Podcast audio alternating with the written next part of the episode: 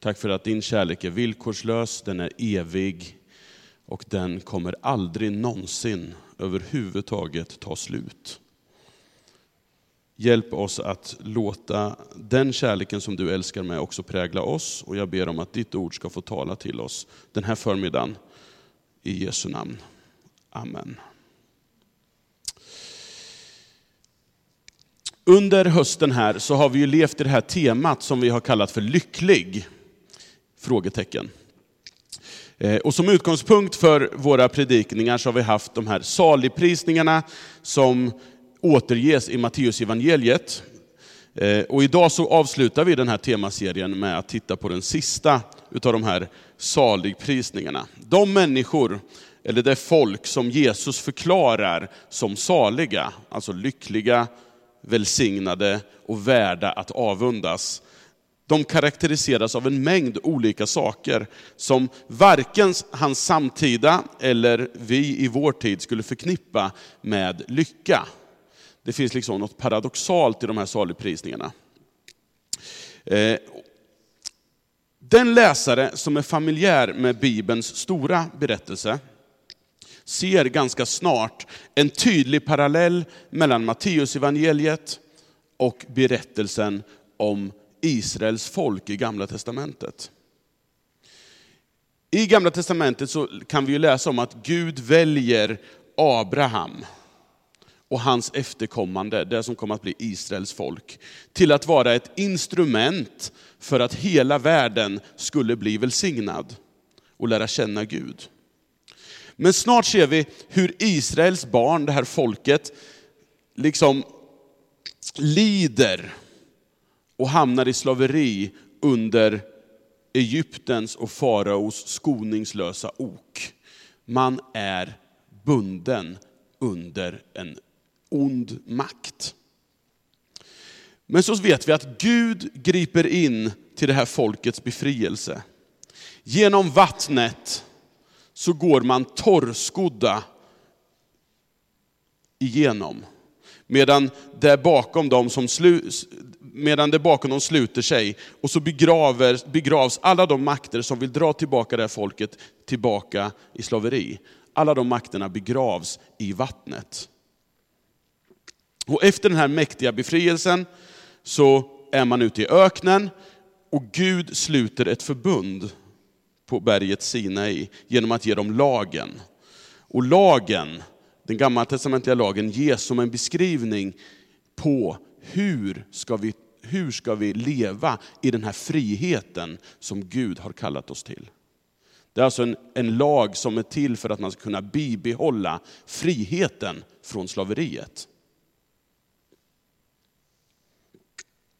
Jesusberättelsen då, i Matteusevangeliet, den framställs på ett sådant sätt så att vi ska förstå, när vi läser den, att nu håller Gud på med en ny befrielse. Som man längtade efter bland det här folket. Och det gjorde man med den här befrielsen från Egypten som en förebild. Vi ser hur Jesus döps, vattnet, ni vet, den här vandringen genom vattnet. Sen kommer han ut i öknen, den här ökenvandringen. Och så går han upp på berget. Alltså lagens bud där som ges.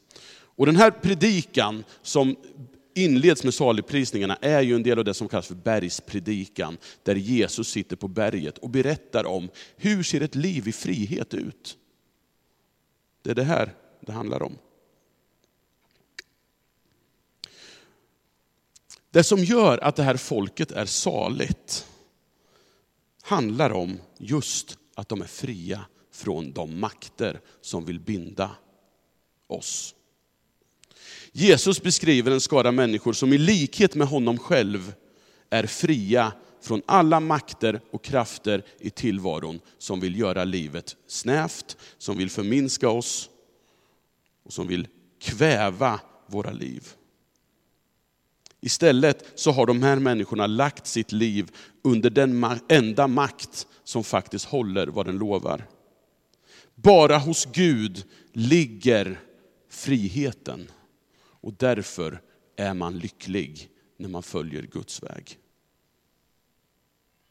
Frihet är inte en fråga om huruvida vi står under någons, någon annans makt eller inte, utan det är en fråga om vems makt du står under.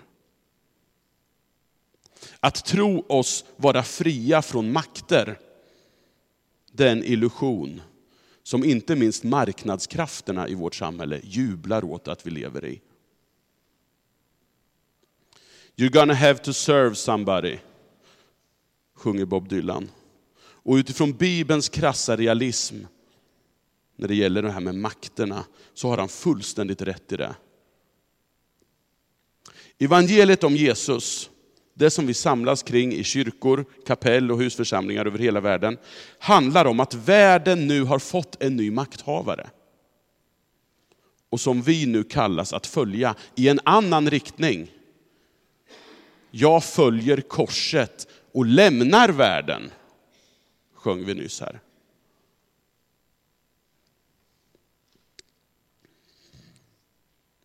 Vad det här följandet, vad den här friheten kan innebära. Det är det vi har nosat på under hösten när vi har tittat på de här saligprisningarna. Och idag ska vi då ge oss in i den sista. Och vi ska läsa från Matteus 5, vers 10-12. Och jag tror att ni behöver stå upp så ni får ner lite syre i era ben, så att ni kan tänka bättre. Så här säger Jesus. Saliga de som förföljs för rättfärdighetens skull. Dem tillhör himmelriket. Saliga är ni när man skymfar och förföljer er och på allt sätt förtalar er för min skull. Gläd er och jubla, er lön blir stor i himlen. På samma sätt förföljdes ju profeterna före er tid. Varsågod och sitt.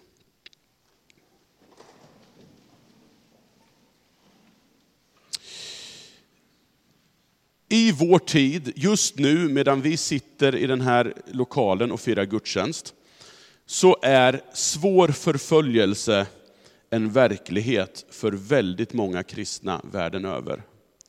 Fler människor än någonsin i historien får lida martyrdöden i vår tid.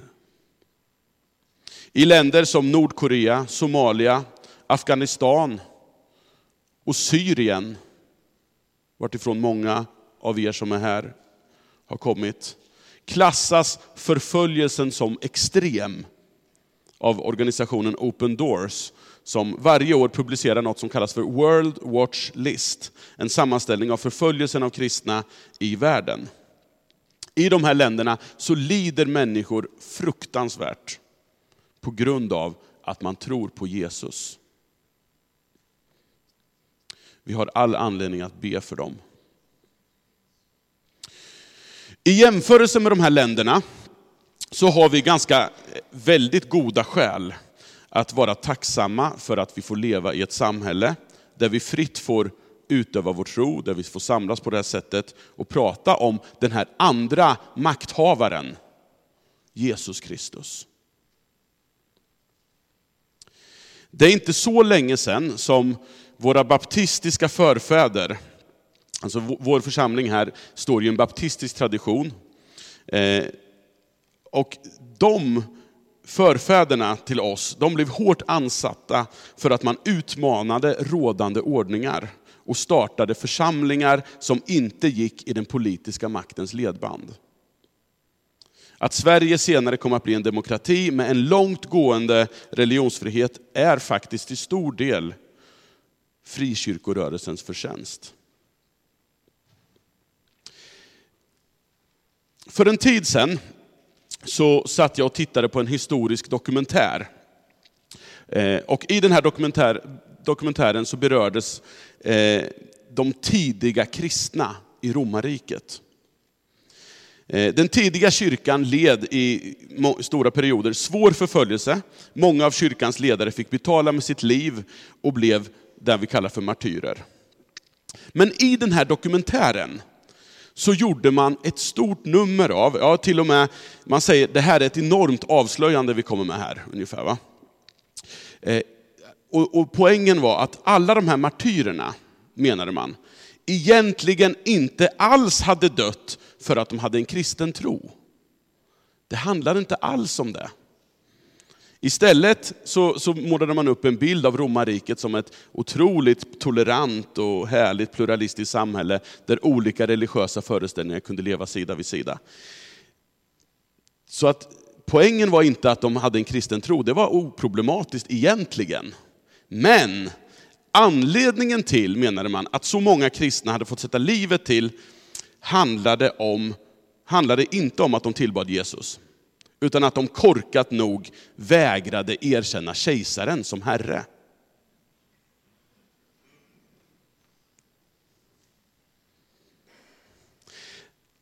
De här dokumentärfilmerna hade en bild av kristen tro som något som var reducerat till en inre inställning. Som rör det andliga, i meningen det osynliga och verklighetsfrånvända. Sådana frågor och till att få utföra andliga handlingar. Som att man möts så här lite slutet och firar sin gudstjänst och tillber sin Gud. Det, det, det kan man ju göra. Och jag blev helt golvad när jag såg den här dokumentären över hur dåligt påläst kan man vara om vad kristen tro handlar om och ändå göra en sån här påkostad dokumentär. Men mitt i den här frustrationen så drabbades jag som en rekyl av någon sorts självransakande sorg. Varifrån har de här dokumentärfilmerna fått den uppfattningen om kristen tro?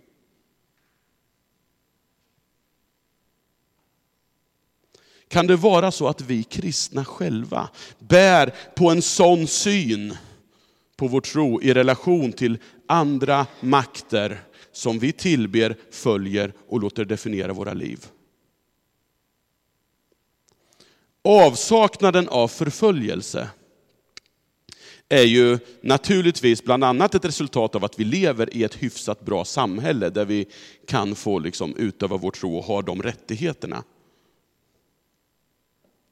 Men jag kan heller inte låta bli att fundera över om avsaknaden av förföljelse till stor del också har som orsak att vi, kyrkan, slutat att avslöja makter och istället börja innesluta dem i vår egen tillbedjan.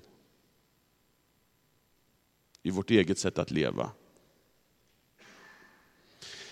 En församling som inte bråkar med de alternativa makterna till Jesus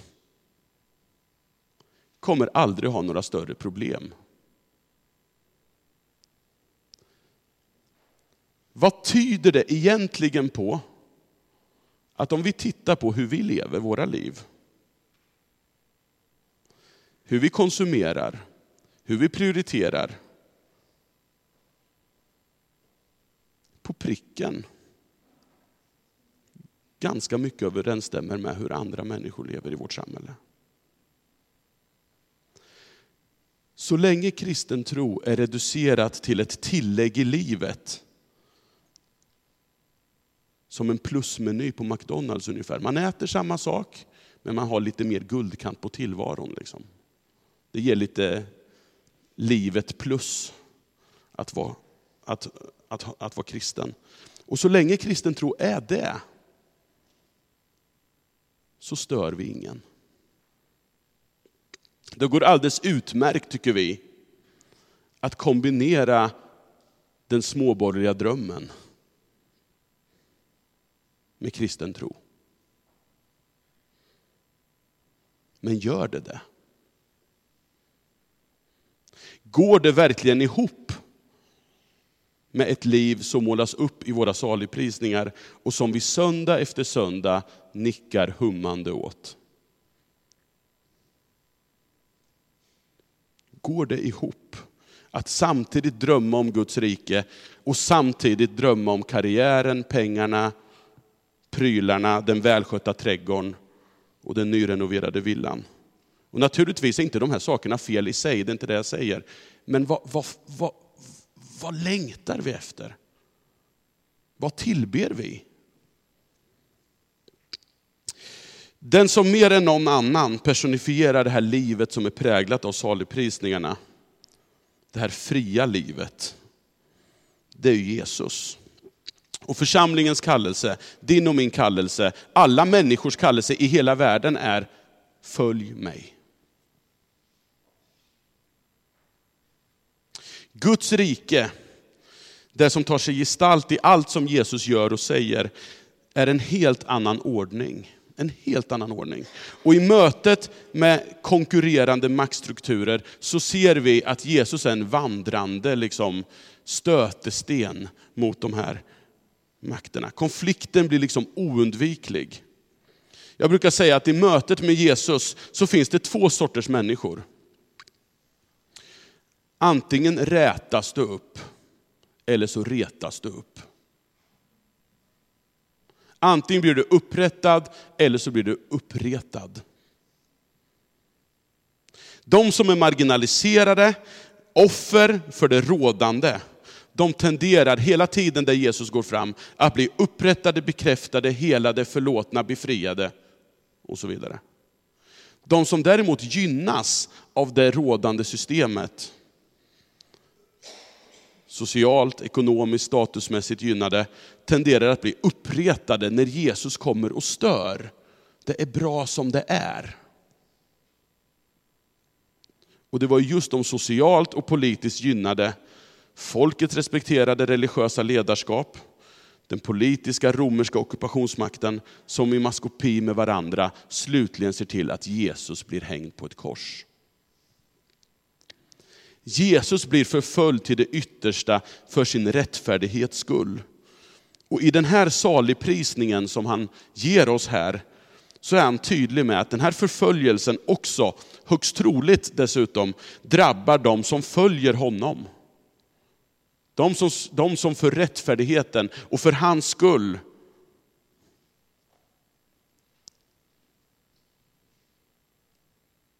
kommer drabbas. Därför att man i konfrontationen och i de här makterna så retar man upp någonting.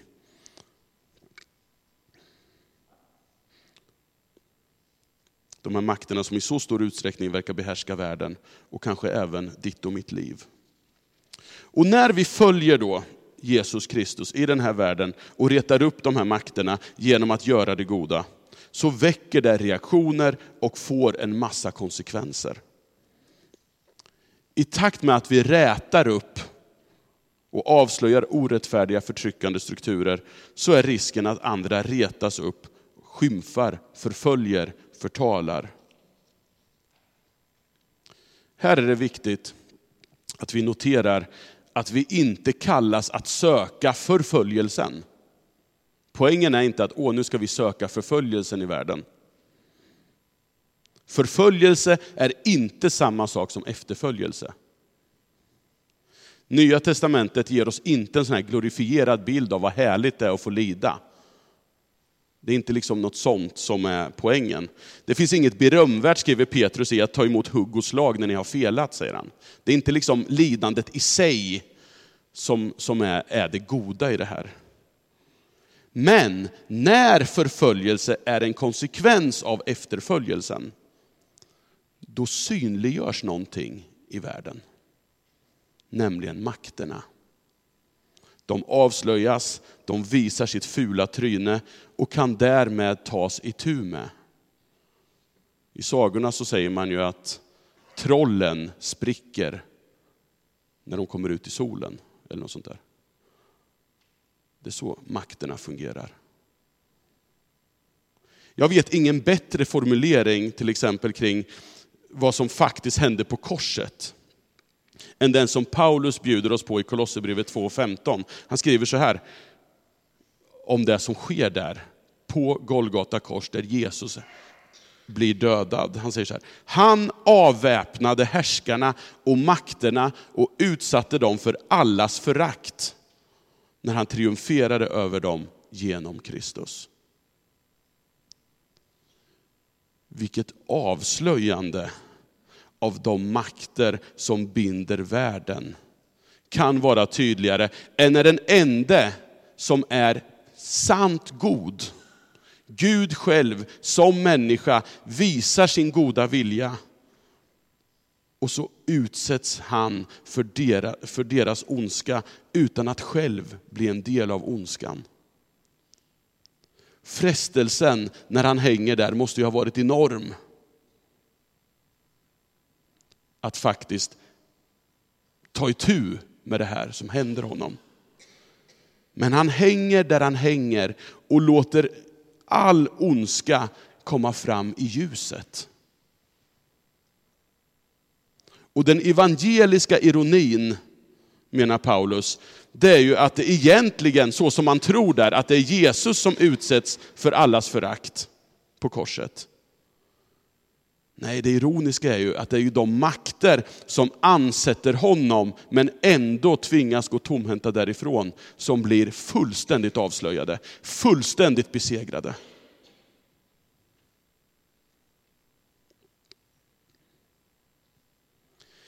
De här makterna de går igång liksom, som matadoren i Ferdinand. Liksom.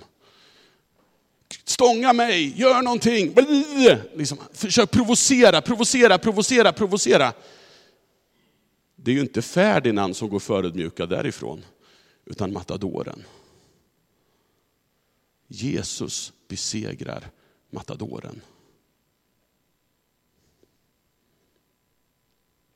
På liknande sätt så är ju skymf förföljelse och förtal för det goda är ju en sorts ständigt avslöjande och avväpnande av de här makterna som egentligen redan har gjorts maktlösa genom Jesus seger.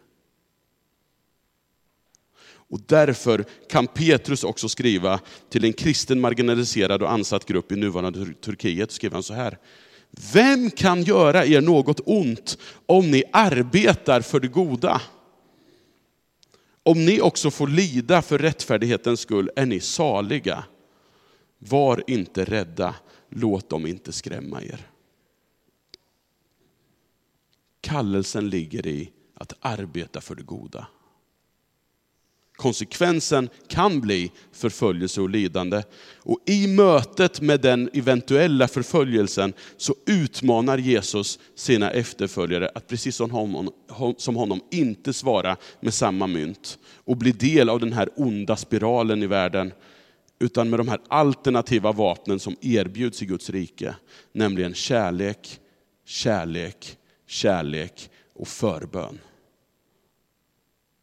ett sorts kolsamlande som vi var inne på förra, för två veckor sedan. Vi pratade om att samla glödande kol på någons huvud genom att genom goda handlingar liksom få människor att tänka om. Älska era fiender, be för dem som förföljer er. Då blir ni er himmelske faders söner. Efterföljaren, efterföljaren till Jesus kan älska sin fiende eftersom den främsta motståndaren inte är människan själv, utan de bakomliggande makterna under vars inflytande människor står. I Efesierbrevet 6 så skriver Paulus, det är inte mot varelser av kött och blod vi har att kämpa, utan mot ondskans krafter i himlarymderna. Alltså det finns andra makter som gör anspråk på våra liv. Det är det som är våra motståndare, inte människor. Jesus säger förlåt dem, de vet inte vad de gör. Han ser att det är andra krafter här som är igång, som människorna är offer för.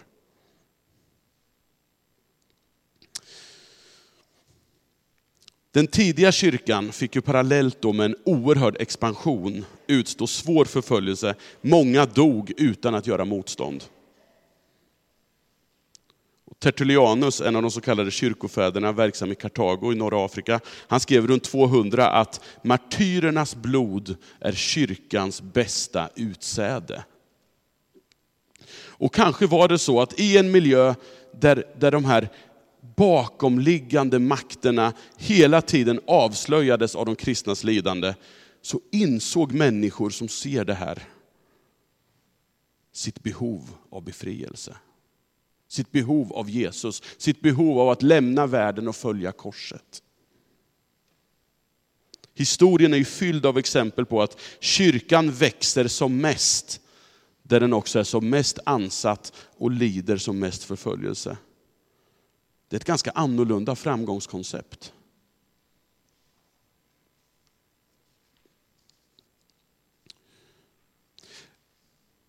Löftet till de som förföljs för rättfärdighetens och Jesus skull handlar om att de tillhör himmelrik, att dem tillhör himmelriket. Och det är ju Matteus benämning på det som Markus och Lukas namnger som Guds rike. Det är synonyma saker. Som Inga-Märta predikade om förra söndagen så bär vi ett hopp som inte är begränsat till den här sidan om vår egen begravning, utan det är, ett, det är liksom ett, ett liv som är evigt. De alternativa makterna, de har inget hopp. Och just därför är det så oerhört meningslöst att vi följer dem. Det finns ju ingenting att hämta i det strävandet. Tomhetens välde sammanfattar Paulus de här alternativa makterna med, som faktiskt inte kommer att leda till något gott. Och så hänvisar Jesus i den här, ska se om vi kan få en kan få den här nästa bild. Och så hänvisar Jesus till, när han har sagt att dem tillhör himmelriket, så, så påminner han dem om profeterna i historien. Gamla testamentets profeter, de blev så hårt ansatta när de gestaltade och predikade Guds väg. Och det är i kontinuitet med dem som Jesus sätter in sig själv och sina efterföljare. Guds väg, den kommer aldrig att vara poppig i den här världen. Så är det. Inte ens bland de som säger sig ta Gud på allvar. För även bland dem så är de här makterna på något sätt i rörelse. Jesu egen död är ett utmärkt exempel på där de som tryckte sig tjäna Gud är de som först vill döda honom. Men just den här döden som såg ut som ett nederlag, som såg ut som en skymf, som såg ut som att det var han som blev föraktad, blir istället kärlekens seger över krafter och makter som hat, ondska, förföljelse, skymf och död. I inledningen så läste vi det här bibelordet, men det, det kastar just ljus på det här. Kristus är den som har dött och därtill den som har uppväckts och sitter på Guds högra sida och vädjar för oss. Vem kan då skilja oss från Kristi kärlek? Nöd eller ångest, förföljelse eller svält, nakenhet, fara eller svärd. Det står ju skrivet, för din skull lider vi dödens kval dagen lång. Vi har räknats som slaktfår. Nej, över allt detta triumferar vi genom honom som har visat oss sin kärlek. Ty jag är viss om att varken död eller liv, änglar eller andemakter, varken något som finns eller något som någonsin överhuvudtaget kommer att komma, Varken krafter, hur högt upp i höjden du än går och krafter, hur långt ner i djupet du än rör dig, eller någonting annat i skapelsen, ska kunna skilja oss från Guds kärlek i Kristus Jesus, vår Herre.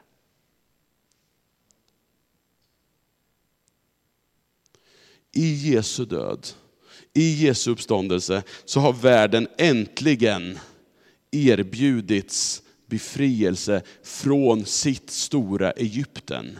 Från alla de makter som vill göra livet snävt, som vill göra livet mindre än vad det är. Och det är goda nyheter. Till oss alla att vi inte längre behöver slava under tomhetens olika maktuttryck.